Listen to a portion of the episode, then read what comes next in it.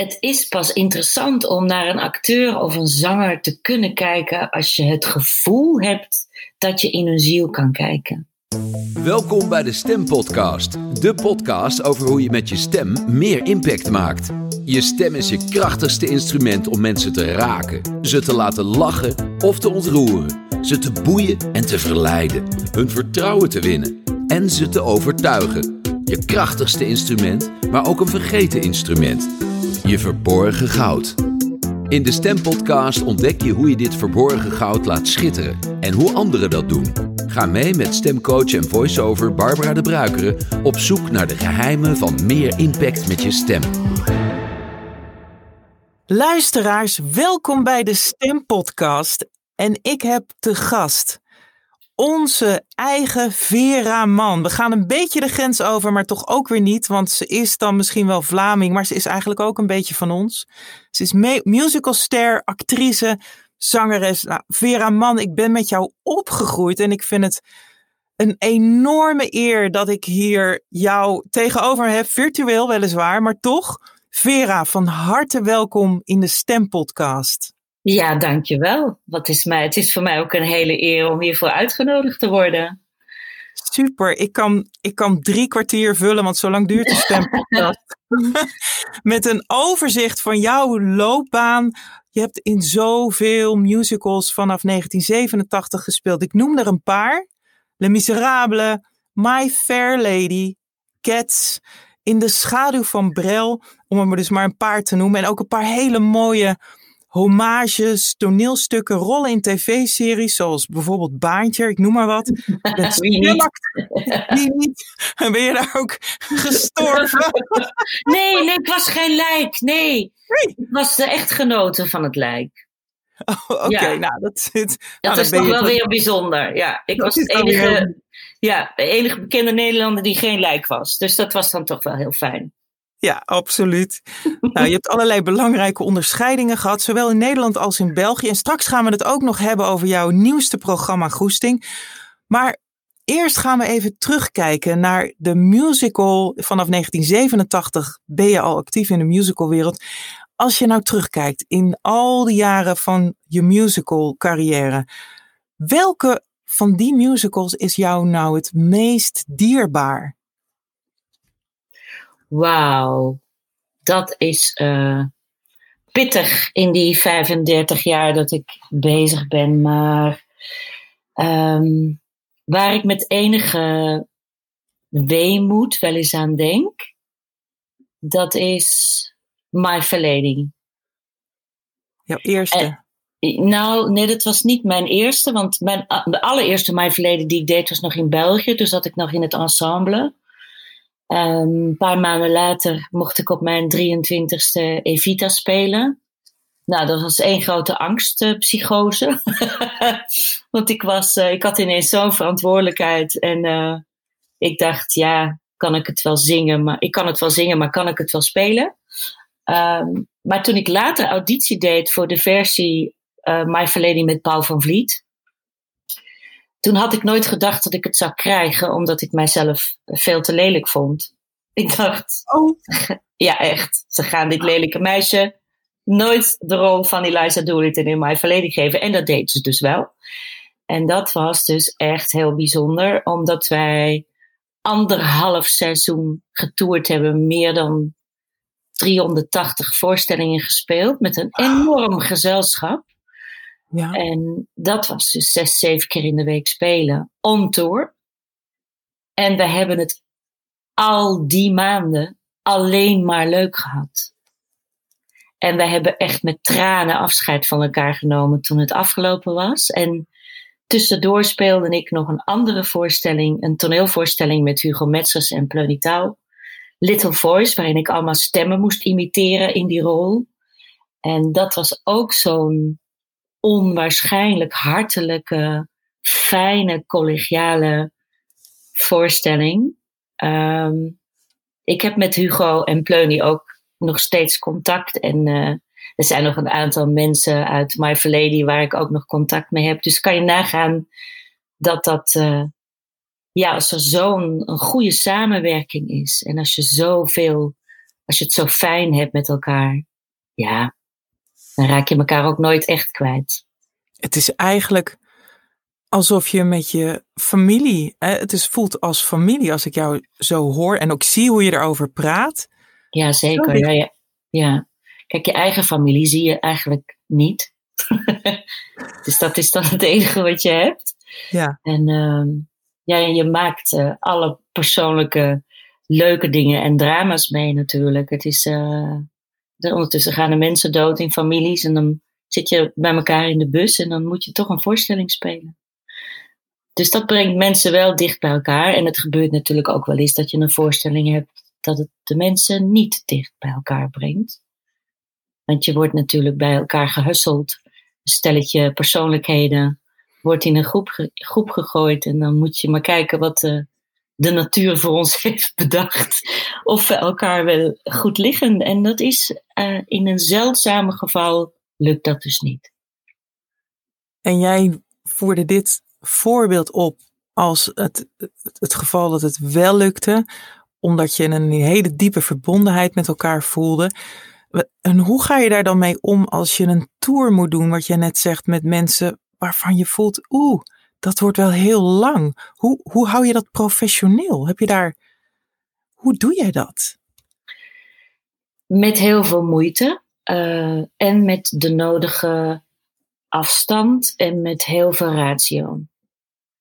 Want het is in sommige gevallen eigenlijk onmogelijk om te zeggen: ik stap eruit. Want niet alleen geef je de producent dan een probleem, maar jezelf ook. Want je hebt dan op dat moment geen werk.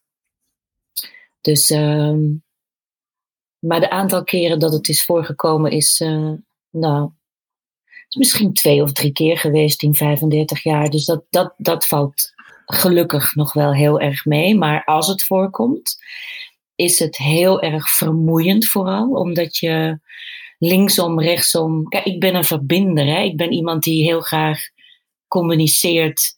Uh, ook als er dingen misgaan, ben ik heel erg van uh, throw it out in the open. Praat erover. We kunnen nooit allemaal bij elkaar passen. We hoeven geen huwelijk aan te gaan. Maar beroepsmatig moeten we wel goed met elkaar kunnen blijven werken. En uh, maar ja, er spelen ook wel eens ego's mee en mensen die jaloers zijn, die toch de ander het leven zuur uh, willen maken. En dat gebeurt. Um, en dan is, zijn, uh, ja, is mijn neus staat dan in één richting en het is mijn werk zo goed mogelijk doen. Dus dat is dan een beetje meer afzonderen. En, en dat zit. Maar nu hebben we het over negatieve dingen. Laten we dat vooral niet doen, want um, het is meestal gewoon een heel, heel groot feest eigenlijk. Ja, ja, dat is zeker zo. En wat ik mij afvraag als buitenstaander en waarschijnlijk luisteraars ook is. Hoe kom je terecht in zo'n musicalwereld? Is het zo dat je al, word jij nu, waarschijnlijk word jij nu gevraagd, maar in het begin, je moet toch ook gewoon audities aflopen, je moet mensen bellen. Hoe gaan die dingen? Hoe werkt dat? Hoe kom je daar op dat toneel? Nou, ik studeerde af aan wel een van de beste theaterscholen in Europa. Dat is de Studio Herman Terling. Het Hoger Instituut voor Dramatische Kunst in Antwerpen.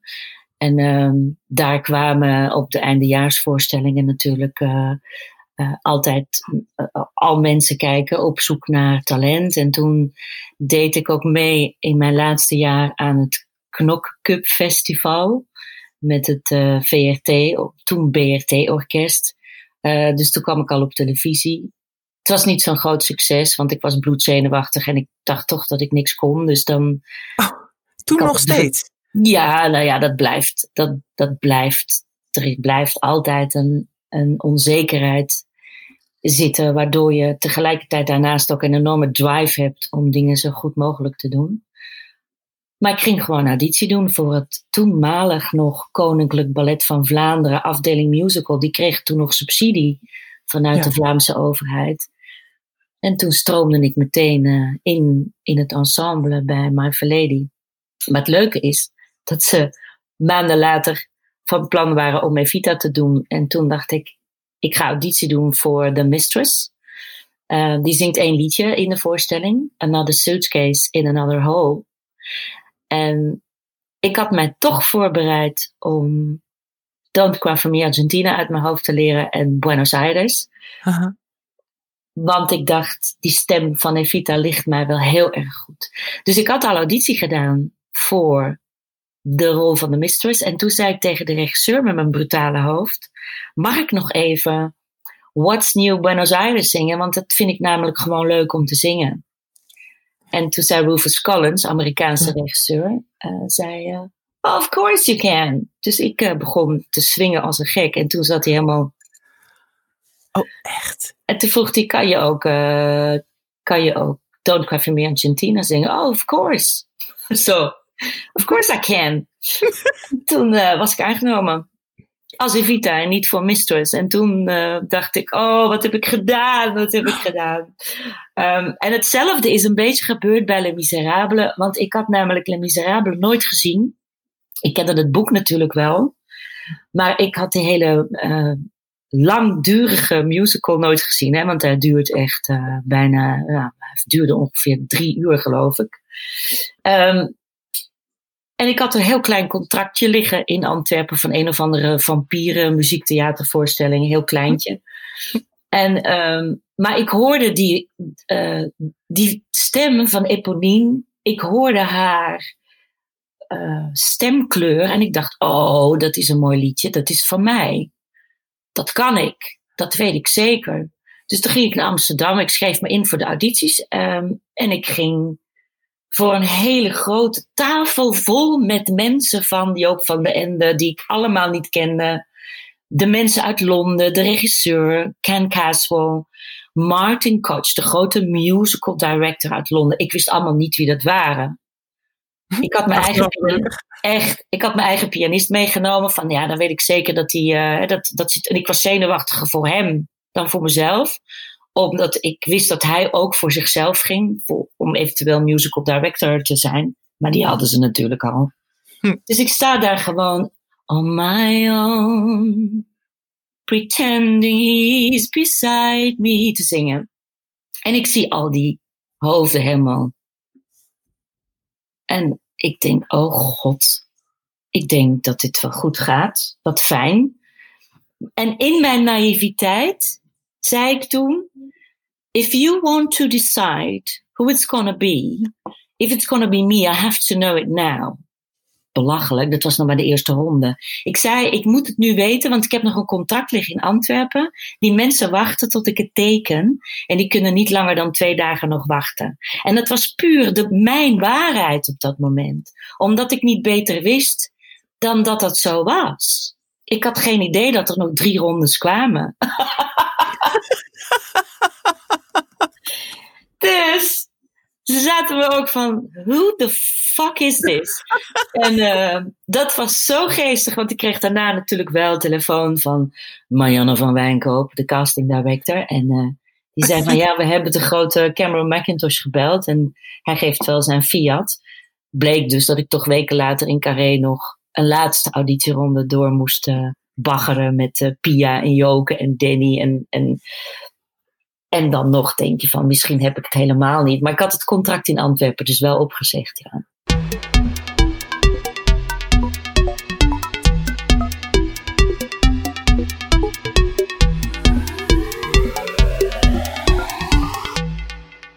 Wauw. En dan hoor je toch dat je het, dan krijg je toch een bevestiging.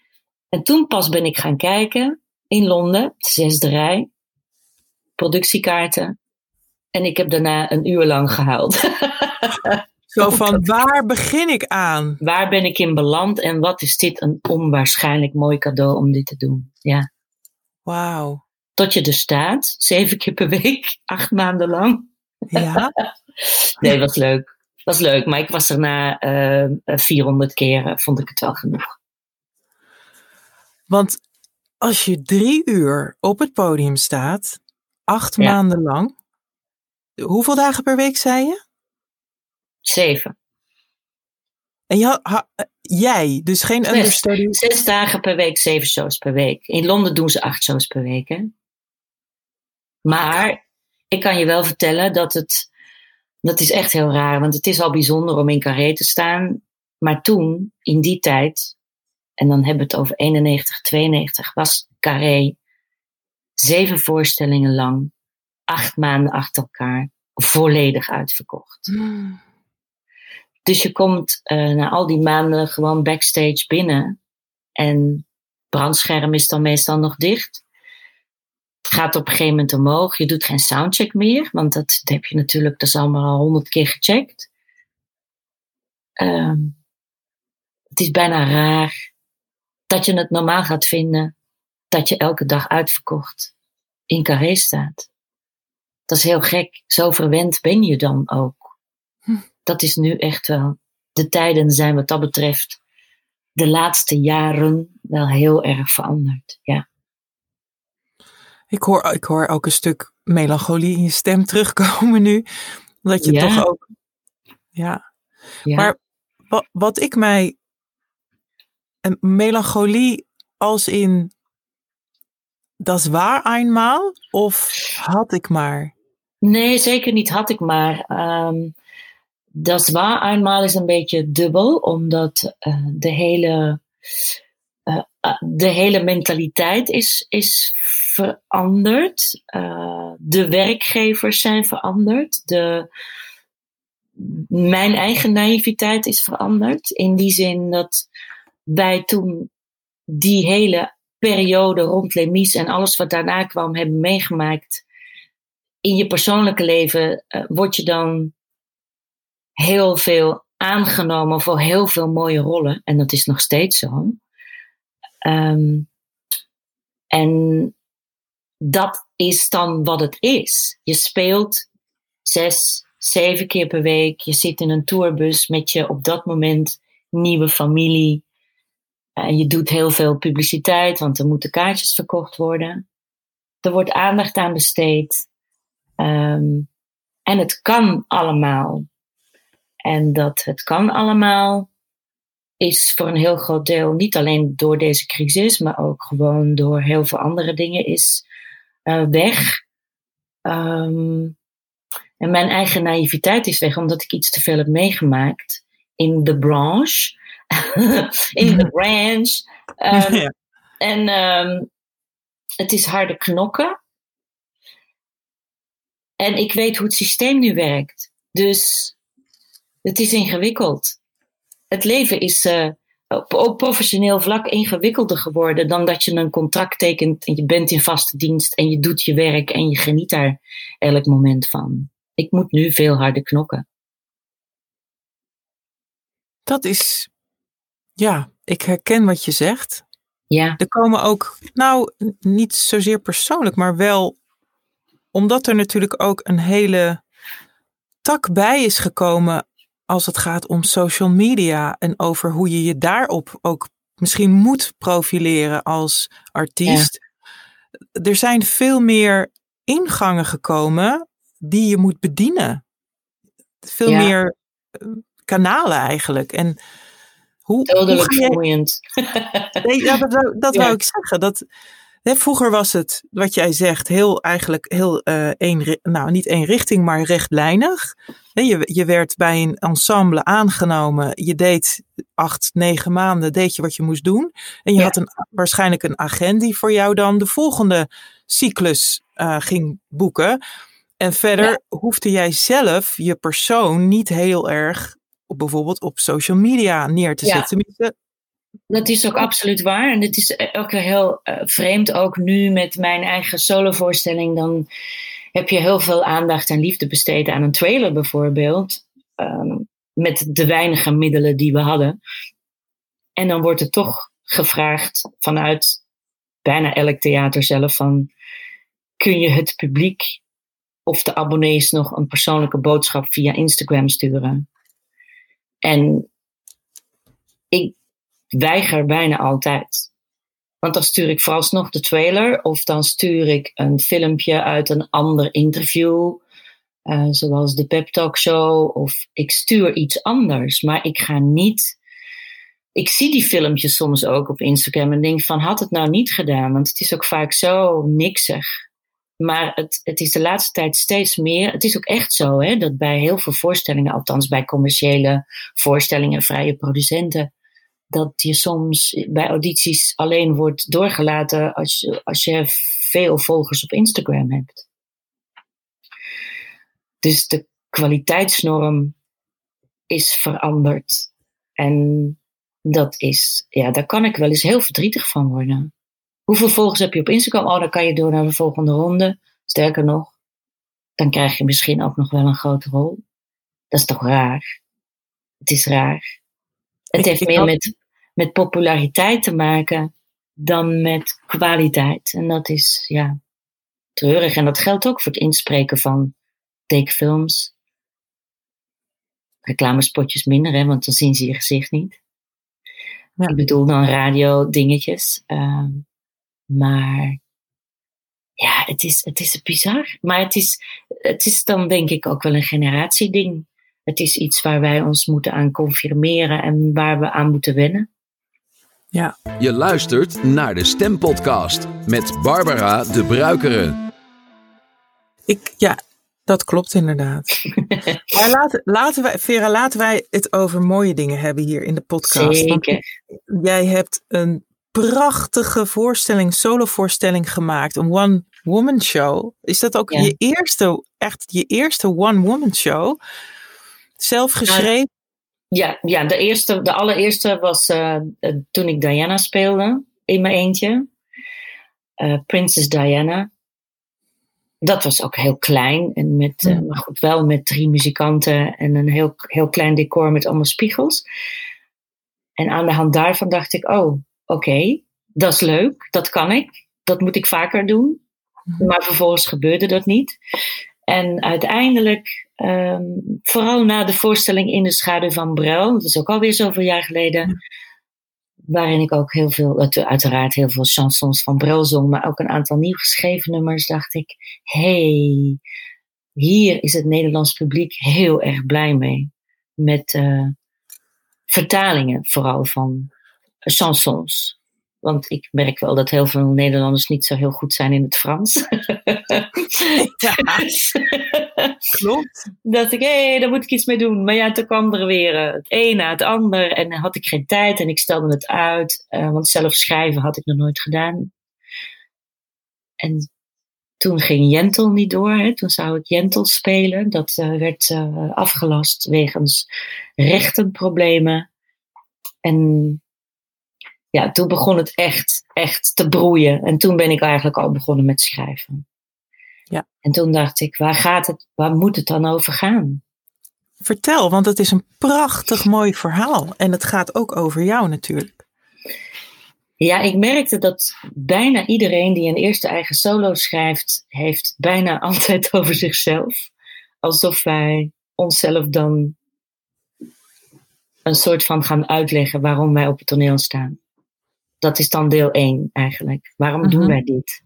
En ik wilde een link leggen naar mijn opvoeding, naar mijn verleden, naar mijn genetisch materiaal en uh, de hele moeilijke familiale omstandigheden, waardoor ik de drang had om piano te spelen en te zingen. Dus ik wilde die link leggen naar dat je zoveel jaar later nog steeds denkt, met alle stress hè, die er soms bij komt kijken, maar ook alle vreugde die erbij komt kijken. Waarom doe ik dit? Want bijna iedere acteur denkt in de coulissen, zeker met een première vlak voor die opgaat en dat iedereen een klein beetje sterft. Waarom doe ik dit? Dus ik ben teruggegaan naar, uh, naar mijzelf vroeger als kind. Waarom? Wat, wat, wat was de ontzettende behoefte om in mijn eigen bubbel te gaan zitten tijdens het pianospelen en het uiteindelijk zingen? Het was natuurlijk ook een vlucht vanuit andere omstandigheden, maar het heeft mij alleen maar heel veel vreugde gebracht uiteindelijk. Um, kijk, mijn, ik vertel over mijn familie in de voorstelling. Um, mijn, mijn oudste broer is al jaren geen contact en mijn jongste broer heeft in de gevangenis gezeten. Dus er zijn heel veel dingen gebeurd. En mijn redding is geweest dat ik ben gaan zingen. En uh, dat, ja, dat is het grootste cadeau dat mijn talent dat gegeven is. Ja. Dus daarom doe ik dit. dat is het. ik zat als kind helemaal vast in een, uh, in een soort van uh, fysieke gevangenis. En, uh, en dus moest ik daar uitbreken. En ik, denk dat, ik, denk dat dit, ik denk dat de driver onderzoeken, hè, de driver van waarom ben ik hier op aarde, maar waarom doe ik wat ik doe? Ja. Dat dat ervoor ja, dat is sowieso een interessante vraag. Want, maar in het geval van, in jouw geval was het, een, was het een escape die uiteindelijk gemaakt heeft dat je daar echt heel goed in bent geworden. Ik interview meer artiesten en ik hoor heel vaak terug uh, iemand groeit op in een circusfamilie waar ze niet gezien werd, terwijl zij een hele grote stem heeft. En ze voelde van, ik moet daar wat mee. En zodoende is ze uiteindelijk ook operazangeres geworden. En die, die drivers is super mooi om, om als je dan daar je, voor, je solovoorstelling van maakt, dan zal het publiek ook voelen van, wauw, dit, is, dit resoneert echt. Dit is echt jouw verhaal. Ja, en het verhaal is eigenlijk ook hoe, hoe, wat moet er gebeuren dat je je zo kan laten motiveren en laat, en, en laat sturen om te zijn waar je bent. En dat, dat is dan een toevalligheid van een samenloop van omstandigheden. Dat is dan bijvoorbeeld dat mijn ouders allebei enorm filmfreaks waren en dat wij op zaterdagmiddag bij de oude VRT al die oude Hollywoodfilms slash musical zagen, whatever it was. En ik was toen vier, vijf, zes, zeven. En tot mijn puberteit keken wij daarnaar in de winter, op zaterdagmiddag, koffie, thee, taart erbij. En ik plakte tegen de televisie aan. Um, en ik werd geïnspireerd door een zangeres als Diana Durbin. Als je er nu naar luistert, is dat natuurlijk allemaal heel erg ouderwets. Ze is ook al lang dood trouwens. Um, en um, en toen zag ik een film over Chopin. En toen dacht ik, ah, ik wil piano spelen. Ik moet piano spelen. Maar ja, hoe begin je daar dan aan? En dat vertel ik dus in mijn voorstelling. Dat zijn dingen die zo belangrijk zijn op zo'n moment. Want ik, ik was als tienjarig kind aan het fietsen in ons dorp. En ik zag een koe die aan het bevallen was. En ik ben daar uren naar blijven kijken. Maar ondertussen werd het donker. En mijn ouders hadden al bijna de politie gebeld om mij als vermist op te geven. En die, die pootjes van het kalf, die, eh, die staken er al uit. Ja. En ik bleef gewoon kijken. En toen begon het te schemeren. En de mensen die naast die wij woonden, die zagen mij staan. Een kind van tien. En die nodigden me uit bij hun thuis, zodat ik het ook van daaruit beter kon zien gebeuren. Dus dat kalf werd geboren. en dat meisje, dat speelde piano. En die begon te spelen. Toen ben ik elke dag naar haar toe gefietst om haar te horen spelen. En toen dacht ik, wat zij kan, dat kan ik ook. Dus toen kreeg ik een soort van speelgoed pianootje thuis. Ik speelde alles op gehoor na.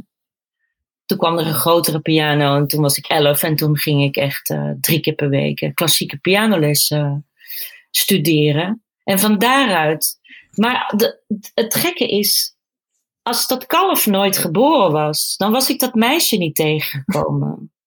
Snap je? Ja, het toeval. Dat is toch bizar ook? Ik vind het echt bizar. En dat is hetzelfde, en dat vertel ik ook in de voorstelling, dat ik op mijn eerste ingangsexamen van die o zo begeerde school, um, ik ging eerst voor de toneelafdeling. Ik was veel te verlegen. Ik werd niet aangenomen. En ik ging naar een hele bekende kroeg in Antwerpen, de Muze. Uh, met mijn papieren, met de monologen. En ik bestelde gewoon een glas water of zo. En heel toevallig, die man die daar aan de, aan de toog werkte, die kende iemand die op die school zat. En die vroeg aan mij of ik kon zingen. Ik zei, ja, ach, ik kan wel zingen, maar ach, wat moet ik ermee? Toen zei dan moet je teruggaan voor de kleinkunst. Ja, dat kan niet. Ik ben er net uitgeflikkerd. Nou, je moet gewoon teruggaan. En je moet zeggen dat je gewoon opnieuw auditie komt doen voor de kleinkunst. Dus dat heb ik uh, me meteen weer ingeschreven. De volgende dag ben ik teruggegaan. En toen werd ik aangenomen. Die man aan de toog, als ik die niet was tegengekomen, had ik dat nooit gedaan. Dan was het nooit in mij opgekomen om dat te doen. Maar dat zijn hele bizarre ontmoetingen uiteindelijk. Dat je ook denkt, hé, hey, er is iemand, er is iemand. Er is een voorzienigheid die mij de goede richting uitduwt. Uh, oh, het is echt de manier ook waarop je dit vertelt. Het, deze podcast gaat natuurlijk ook over de stem. En ik weet zeker dat luisteraars echt, ja, echt zitten te luisteren van Wauw, ik zie het helemaal voor me. Ik zie die toog, ik zie die man. Ik zie jou daar wow, zingen. Wow. en de, de manier, en, en dat is eigenlijk ook waar ik het met jou ook over wil hebben. Van als jij een verhaal vertelt als actrice of wanneer, wanneer je het als jezelf vertelt, Wanneer, hoe weet jij mensen echt te raken met je, met je stem? Ligt dat aan het verhaal of ligt het aan de manier waarop je het vertelt? Kun je, jij bent de kenner. Vertel mij, hoe doe jij dat? Het is in eerste instantie, denk ik, heel erg belangrijk dat je, of je het materiaal nu zelf uitkiest of niet, dat je heel erg goed weet wat het verhaal betekent. Wat je staat te zingen. Want je kan dan wel teksten uit. Ik, ik, ben, ik zit nu midden in een. Uh, ik kan er verder niks over zeggen. Maar ik ben nu zeker wel tien liedjes van Leonard Cohen aan het instuderen. En ik zal je eerlijk vertellen dat ik, ik vind het een bijzondere man. En ik ken zoals iedereen zijn meest bekende liedjes. Maar ik heb me nooit echt verdiept in zijn repertoire.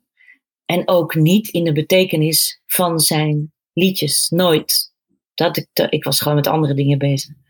En dat moet ik nu wel doen. En dit is een voorbeeld dat als je een lied zingt, bijvoorbeeld als Famous Blue Raincoat, dat je, dat je denkt: waarom heeft die man dit geschreven? Waar gaat dit over? Eigenlijk hetzelfde als met het wereldberoemde Halleluja. Of ehm, nou ja, heel veel andere nummers, ook van andere mensen. Waar, wat is hier de bedoeling van? En vervolgens uh, um, is natuurlijk vereiste nummer één dat je het lied volledig in je, cel, in je celweefsel krijgt en in je geheugen krijgt. En dan, tijdens het performen, moet het er gewoon uitvallen alsof je het ter plekke staat te verzinnen. Dat is het allermoeilijkst. Wat ik minder moeilijk vind, en wat ik wel vaker zie waar het wel eens misgaat, is dat je hart moet openstaan.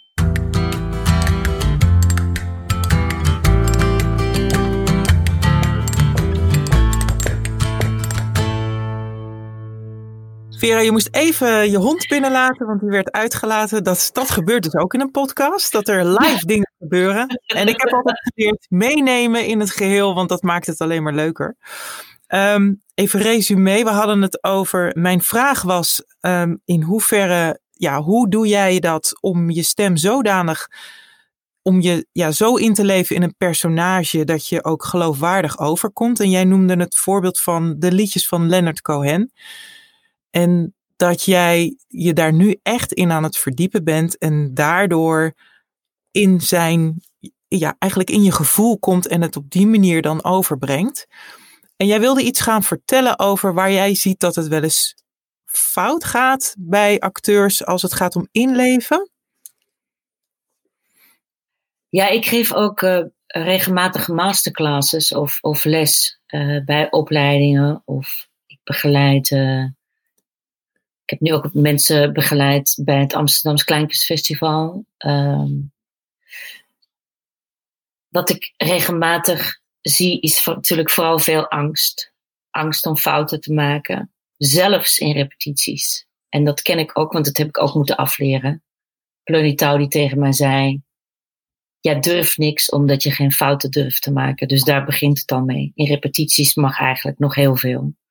Maar bij uiteindelijke optredens uh, zie ik ook vaak dat mensen toch iets blokkeren, waardoor ze op een makkelijke manier uh, aan entertainment doen. En daar bedoel ik mee te zeggen dat de ogen niet aanwezig zijn. Of die, het is een beetje, het is eigenlijk heel simpel gezegd. Het is pas interessant om naar een acteur of een zanger te kunnen kijken als je het gevoel hebt dat je in hun ziel kan kijken. Dat is het enige wat telt. Dat is de enige manier om mee te kunnen gaan in een verhaal. En ook al is het verhaal natuurlijk bedacht, de manier waarop wij het moeten vertellen is alsof we het in het diepste van ons geheugen en onze cellen hebben meegemaakt. En dat is onze job om dat zo goed mogelijk te kunnen doen. En het kan alleen maar als je ook echt komt als al die zintuigen, dat zeg ik ook in mijn solovoorstelling Goesting, die zintuigen die moeten gewoon openstaan.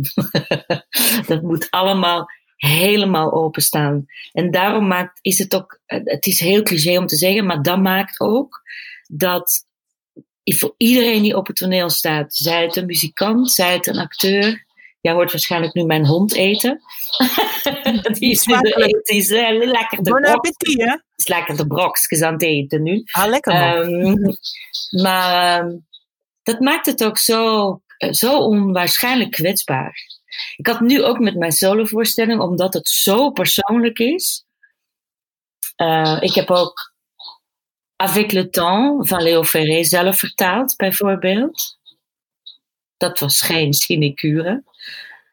En als je dan een première hebt gehad en je, je bereidt je op alles voor, maar dit, als dit niet goed was ontvangen, dan had ik dit wel heel erg gevonden. Want dit was namelijk mijn eigen volledige verantwoordelijkheid. Ik was hier van, van het begin tot het einde vooral zelf voor verantwoordelijk. Als je dan zou afge, afgebrand worden, in de recensies, dan zou dat, een, uh, zou dat heel pijnlijk, pijnlijk geweest zijn. Ja. Maar ja, het is gelukt. Ik, vind het heel bijzonder om aan je stem ook te horen dat je Vlaamser gaat, uh, meer Vlaams spreekt nu. Elke keer als ik over Goesting of over België of over Antwerpen uh, spreek, dan praat ik Vlaams. Dat, dat gaat automatisch. Ik zie dat gezicht van u van wat is dat een rare vrouw? nee, dat is niet waar dat ik dat denk. Nee, wat ik, wat ik denk is dat ik nu heel dicht bij je hart zit. Ook, ook. Maar dat kan ook in het Hollands, hè? Ja, nee, ja, maar het, het hart, kijk, dat klopt. Maar de verandering in toon is zo mooi, omdat je dan merkt, ziet aan iemand dat hij van zijn, dat hij van zijn hoofd veel meer nog in zijn gevoel gaat. Ja. En ik hoor aan jouw stem hoe belangrijk goesting is voor jou. Ja. Heel. En, en ook hoe klein je, hè, want het gaat ook over je jeugd. Het is eigenlijk, het, je gaat eigenlijk terug naar dat kind wat is opgegroeid in, in België. En je zegt wel, ja, ik kan ook Hollands uh, spreken als ik dat klopt. Maar goesting is voor jou ook echt het stuk van het stuk kind van jou waar, waar dat, en dat is ook zo, want het verhaal gaat ook over hoe jij bent opgegroeid als meisje in, in, in België. Ja.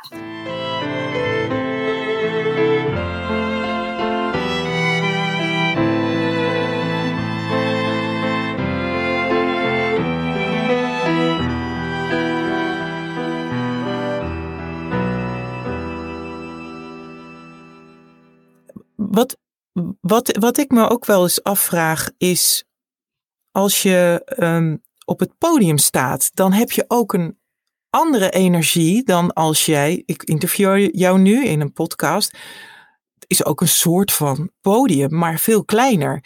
Kan jij omschrijven hoe je dat verschil in energie tussen dat grote podium en hier, dit kleine podium, hoe je dat van binnenuit managt?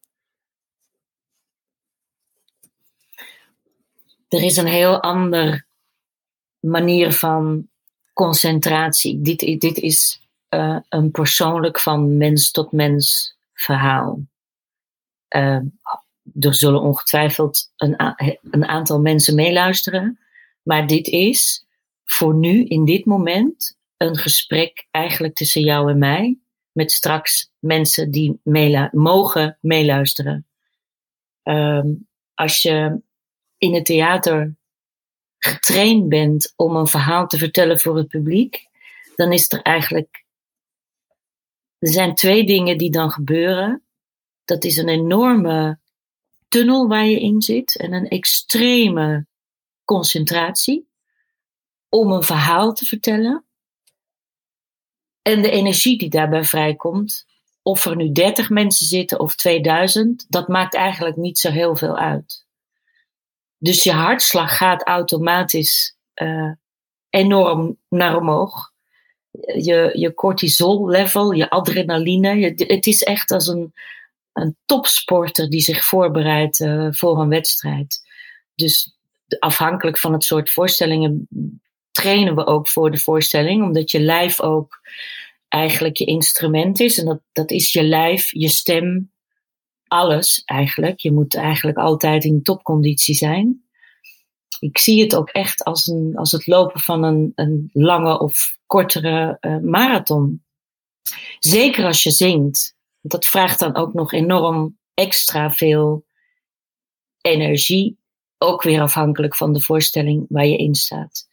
Um, en op het moment dat je daar dan staat, is er, is er een soort van, als het goed is, bijna een soort van wonder wat er gebeurt. Hè? Als het lukt, dan komt er een, een, wissel, een wisselwerking van energie.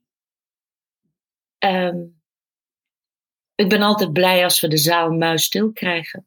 Dat is de laatste tijd ook steeds wat ingewikkelder met telefoons die de lucht ingaan. Of hè, mensen die behoefte hebben om dingen te filmen. Of uh, mensen die niet de know-how hebben van hoe je netjes in een theater zit. Um, maar stilte. De stilte na het zingen van een lied in plaats van een applaus is eigenlijk, is eigenlijk het allermooist. En uh, ik heb nu met Goesting ook een paar keer meegemaakt dat ik op het eind van de voorstelling best wel uitgeput raak en Zanger zonder meer zing van Raymond van het Groene Woud. En, uh, en dan, kom, dan, dan is het bij mij ook een enorme uh, brok van energiewisseling en vooral van emoties. En die gaan heel ver. Ik ben ook kapot daarna. En dan merk je toch dat er best veel mensen enorm ontroerd raken. Maar dat heeft met mijn kwetsbaarheid te maken. Ze zien mij echt op dat moment als een spiegel van hun eigen emoties. En dat is altijd heel mooi om te zien gebeuren. Ja, wat kan ik er verder nog over zeggen? Nou, je hebt er al heel veel over gezegd. ik vind het, ja, ik vind het, ik vind het prachtig om te horen wat, hoe jij woorden geeft aan dat proces. Het is. Ja, je hoort ook wel eens mensen zeggen.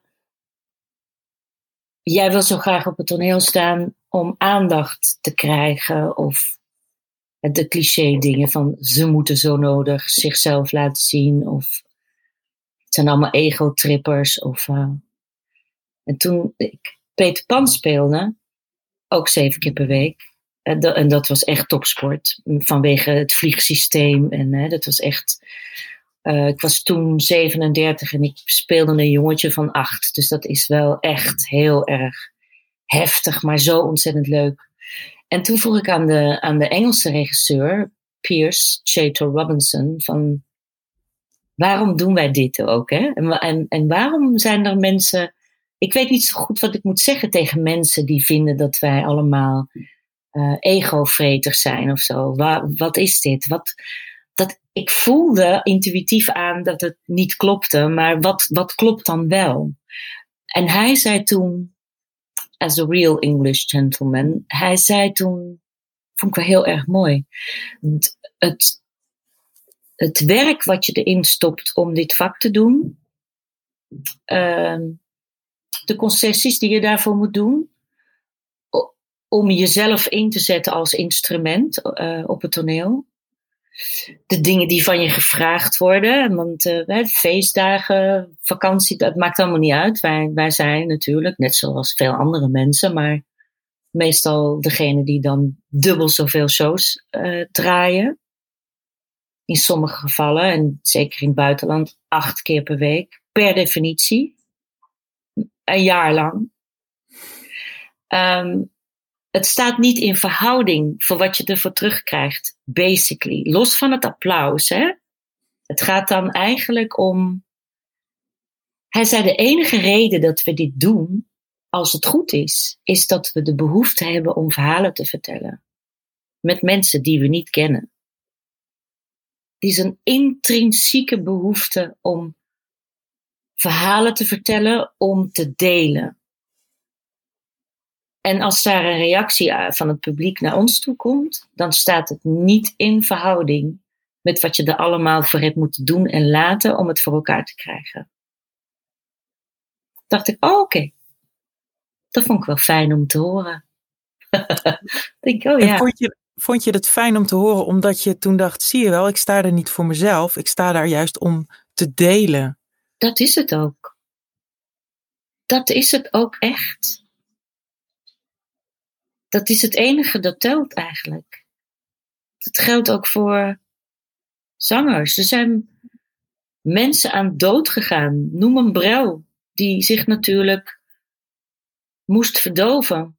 Er is ook een reden voor hè, waarom, waarom uh, kleine of grote popsterren ook zich toch een beetje moeten verdrinken af en toe of drugs gaan gebruiken. Omdat, het, omdat je zo open moet staan voor zoveel, waardoor je wordt ook zo geraakt door wat er binnenkomt.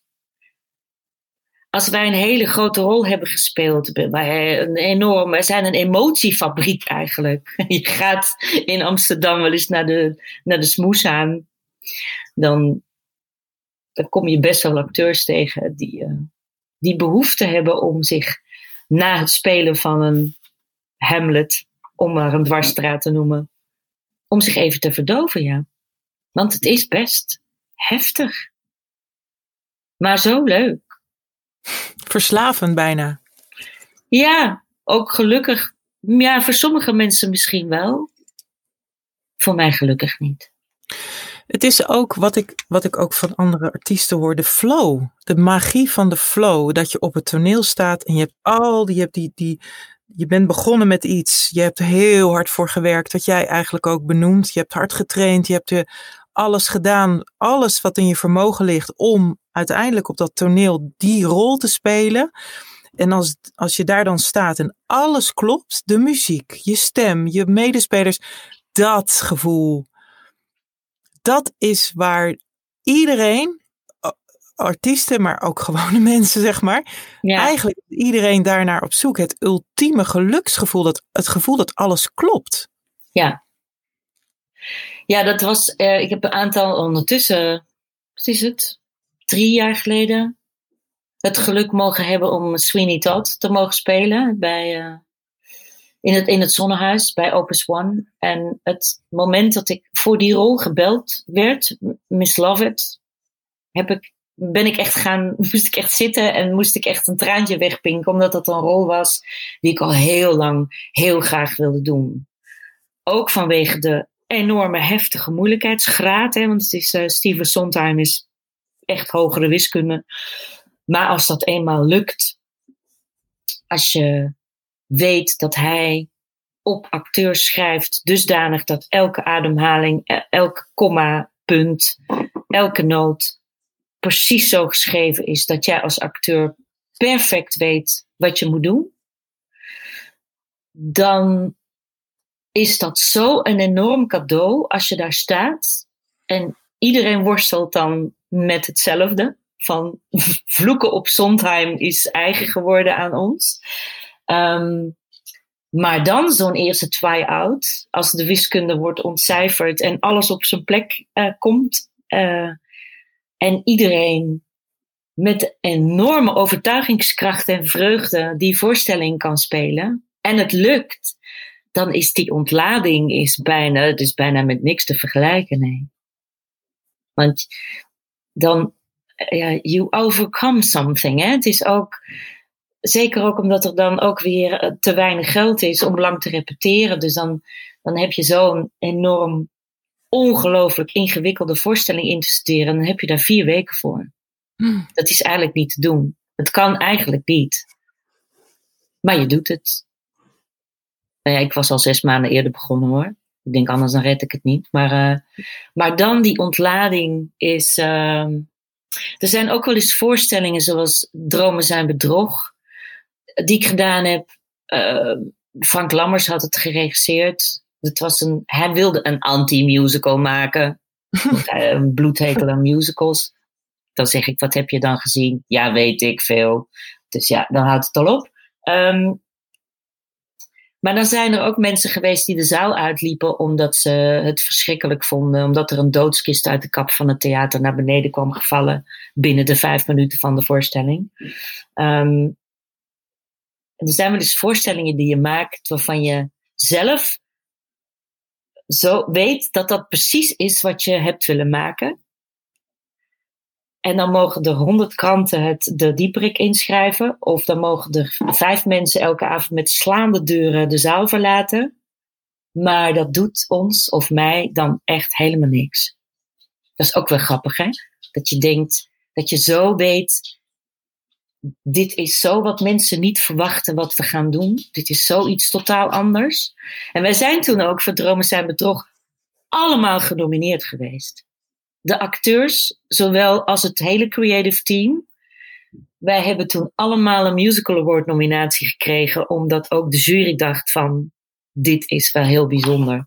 Ja, dat zijn cadeautjes natuurlijk. Dat zijn echt cadeautjes.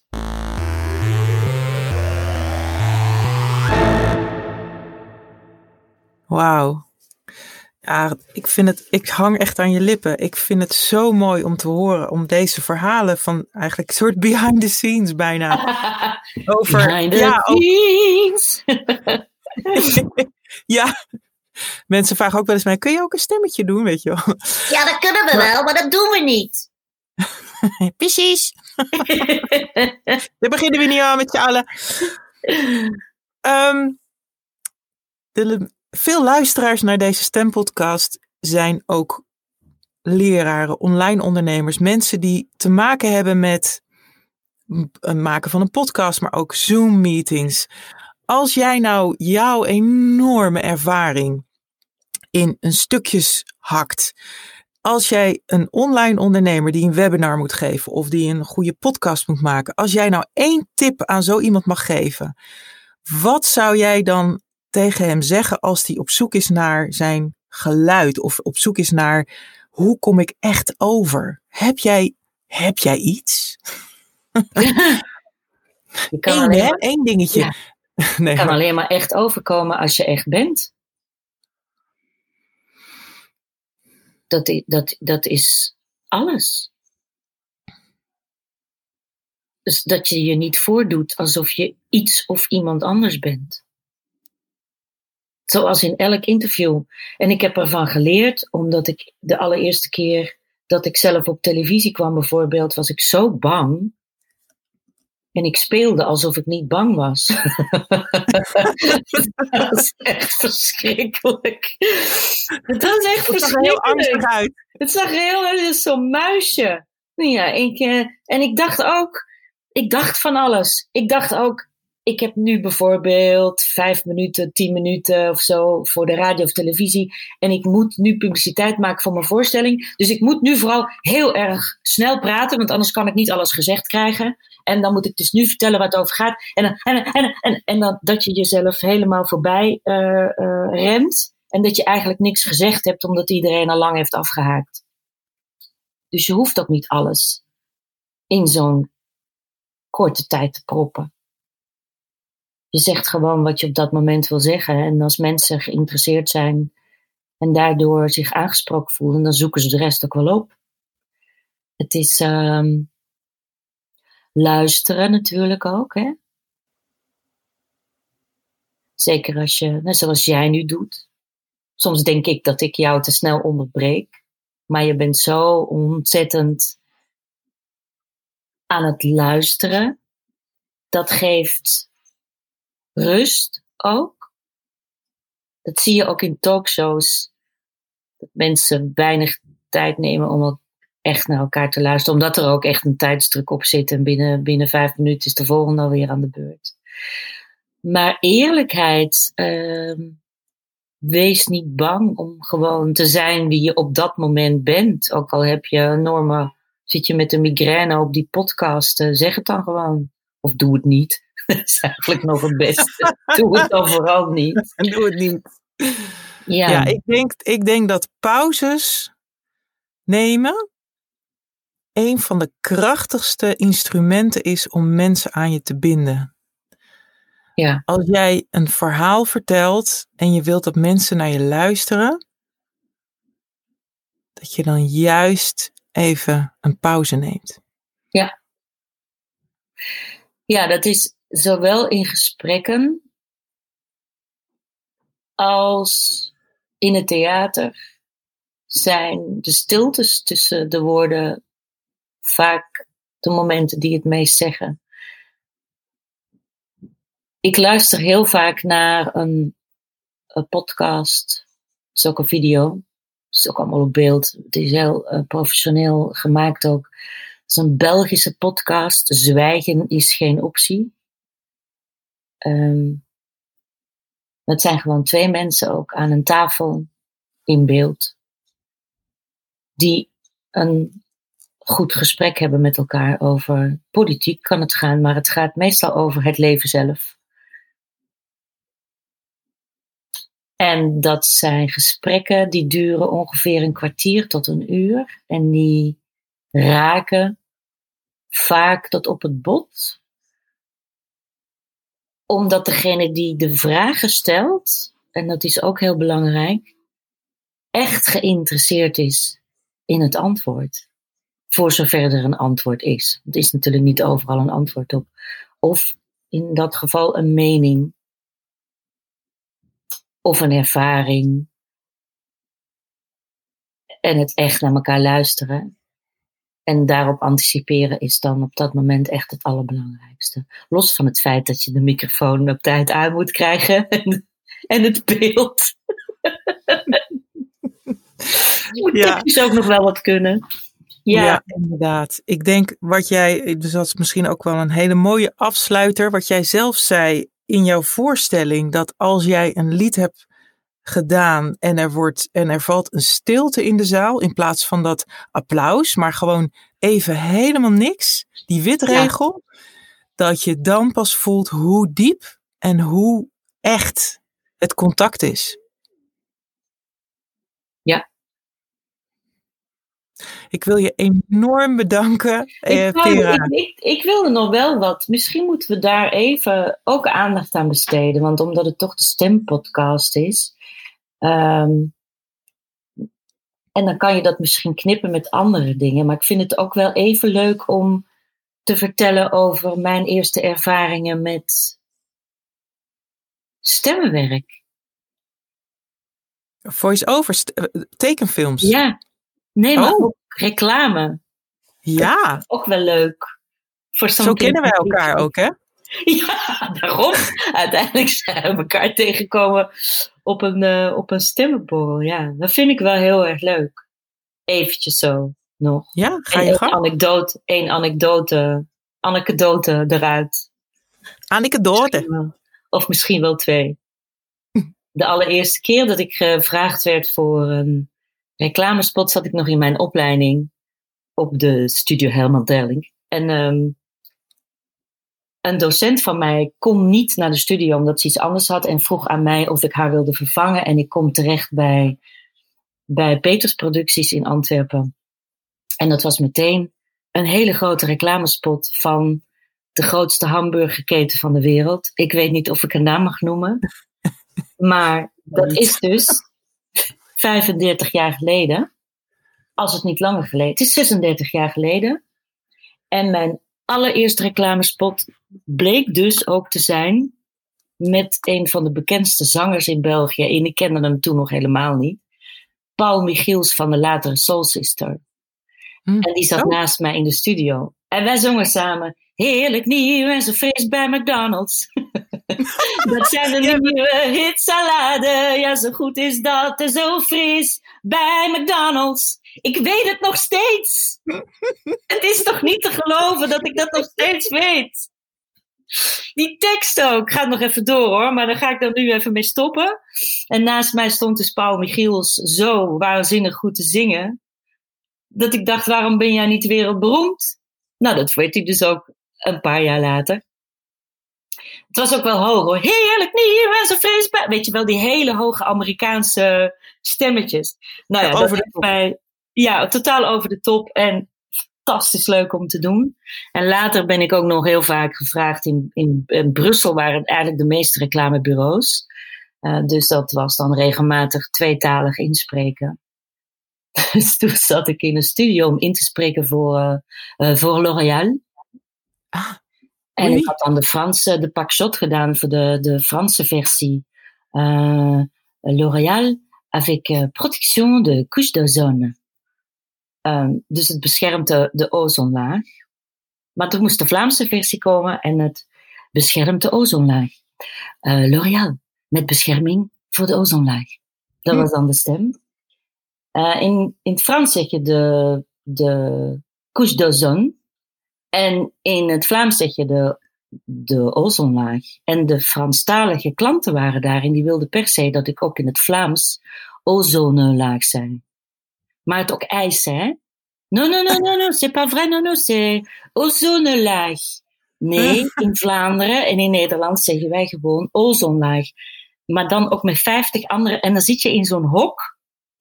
En dan denk je alleen maar van, nou jongens, ik word per uur betaald. Dus mijn tijd loopt gewoon door. Zoek het even lekker uit met je kadaver. Um, ik zeg uiteindelijk echt gewoon alleen ozonlaag. En ik ga echt mijn eigen taal niet veranderen, omdat jullie als Franstaligen denken dat het anders moet.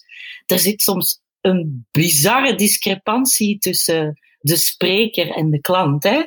Ja, ja, ja. ja. Ongelooflijk grappig ook. Ik moet daar ontzettend om lachen dikwijls. Zeker als het om verschillende talen gaat. Dus ik had laatst met een schoonmaakproduct ook uh, dat ik de Vlaamse en de Franse uh, stem zou zijn. Dus ik had wel op voorhand gezegd, mijn Frans is heel erg goed.